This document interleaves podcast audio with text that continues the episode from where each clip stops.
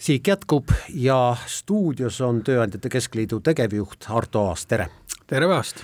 majandus- ja infotehnoloogia minister Tiit Riisalo on kaalumas Eestisse sisserändekvoodi mitmekordistamist, et tagada piisaval määral kvalifitseeritud tööjõudu, nii kirjutab meedia. kui akuutne on meil probleem pädevate oskustöölistega täna? probleem tööturul on, on olemas ja iga aastaga muutub üha teravamaks, sest Eestis on demograafilised muutused sellised, et rahvastik vananeb kiirelt, sündivus väike ja need põlvkonnad, mis,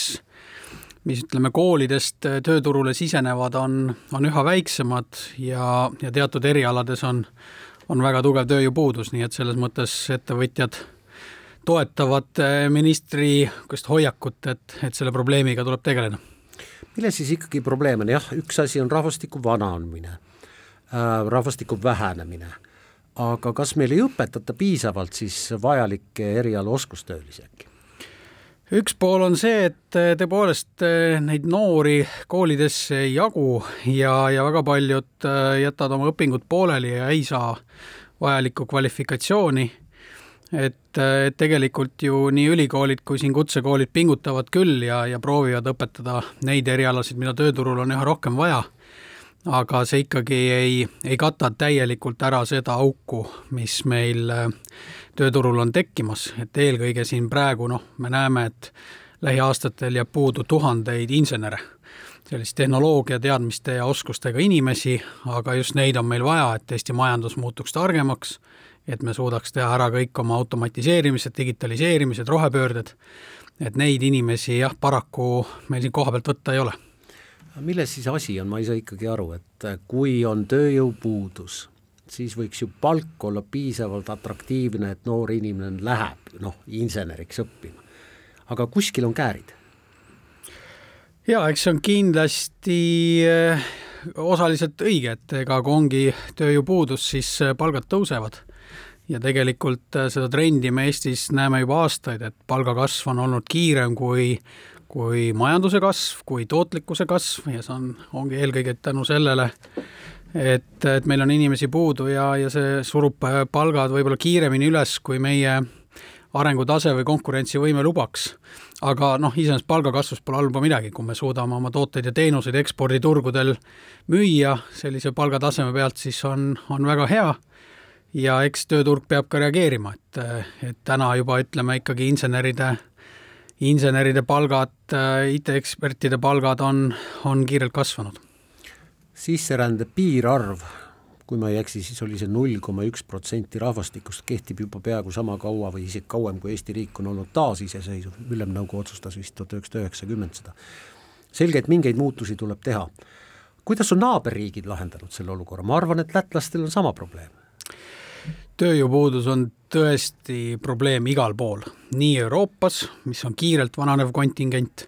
kui ka tegelikult äh, tänasel hetkel juba Hiinas, Ameerika Ühendriikides, kõik võitlevad äh, oma inimeste pärast, tööjõu pärast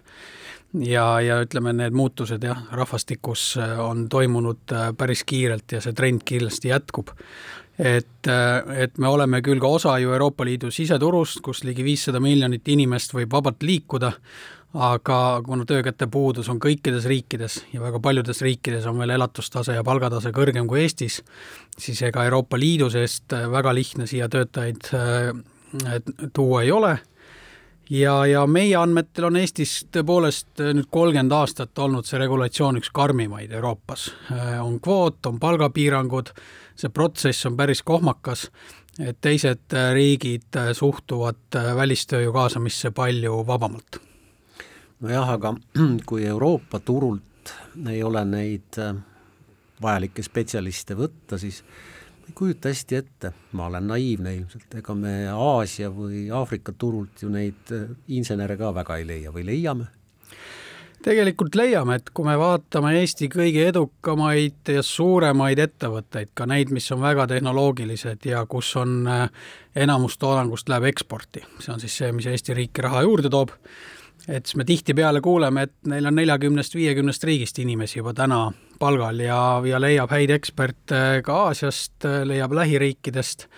nii et selles mõttes maailm on avatud, inimesed liiguvad ja, ja see noh, tervikuna kogu meie maksusüsteem, elukeskkond peab olema atraktiivne, et, et ka välistalendid tahaksid siia tulla ütlete, et kohustus maksta välistöötajatele Eesti keskmist palka ei ole kõikides sektorites ja piirkondades mõistlik lahendus, olen teist õigesti aru saanud? jaa, et see ligi kaks tuhat eurot äh, nii-öelda aritmeetilise keskmisena tõepoolest igas sektoris ja igas Eestimaa nurgas ei ole äh, ei ole see palgatase, mida ettevõtjad äh, suudavad tasuda ja ka kohalikud inimesed äh, paraku nii kõrget palka ei saa, et, et seepärast ka oleks veider, kui, kui sama töö eest tuleks välismaalastele maksta rohkem. et, äh, et siin peaks olema tõepoolest natuke rohkem paindlikkust, et on ta siis mediaanpalk või mingi koefitsient alampalgast, et selge, et teatud palgapiirangud peavad olema, aga täna see latt on pisut liiga kõrge nagu palgad siis vabaks lasta turu, vastavalt turusituatsioonile, et jah, see selles mõttes meil on ju, on alampalga regulatsioon, alampalk kasvab kiirelt, äh, eks ju, meil on muud, muud sellised äh, ohutuse ja töötajate õigustega kõik nagu regulatsioonid paigas, et, et võib-olla siin see keskmise palga nõue on, on mõnes kohas tõesti niisugune ebaproportsionaalne kaks aastat majanduslangust on selgelt jätnud jälgi ekspordile ja tootmisele. töötlev tööstus on kõige rohkem pihta saanud, vähemalt seda näitab statistika. kuidas ikkagi on tööandjad suutnud siiamaani oma töötajaid hoida, väga hull ju asi ei ole. mis nipp see on? Need on möödunud kriiside õppetunnid, äh, niisiis nende, need majanduskriisid, mis meil olid siin kümme aastat tagasi, kui ka tegelikult koroonakriis, kus äh, kus olude sunnil, niisuguse surutise sunnil olid tööandjad äh, sunnitud siis jah, inimesi koondama, minema laskma,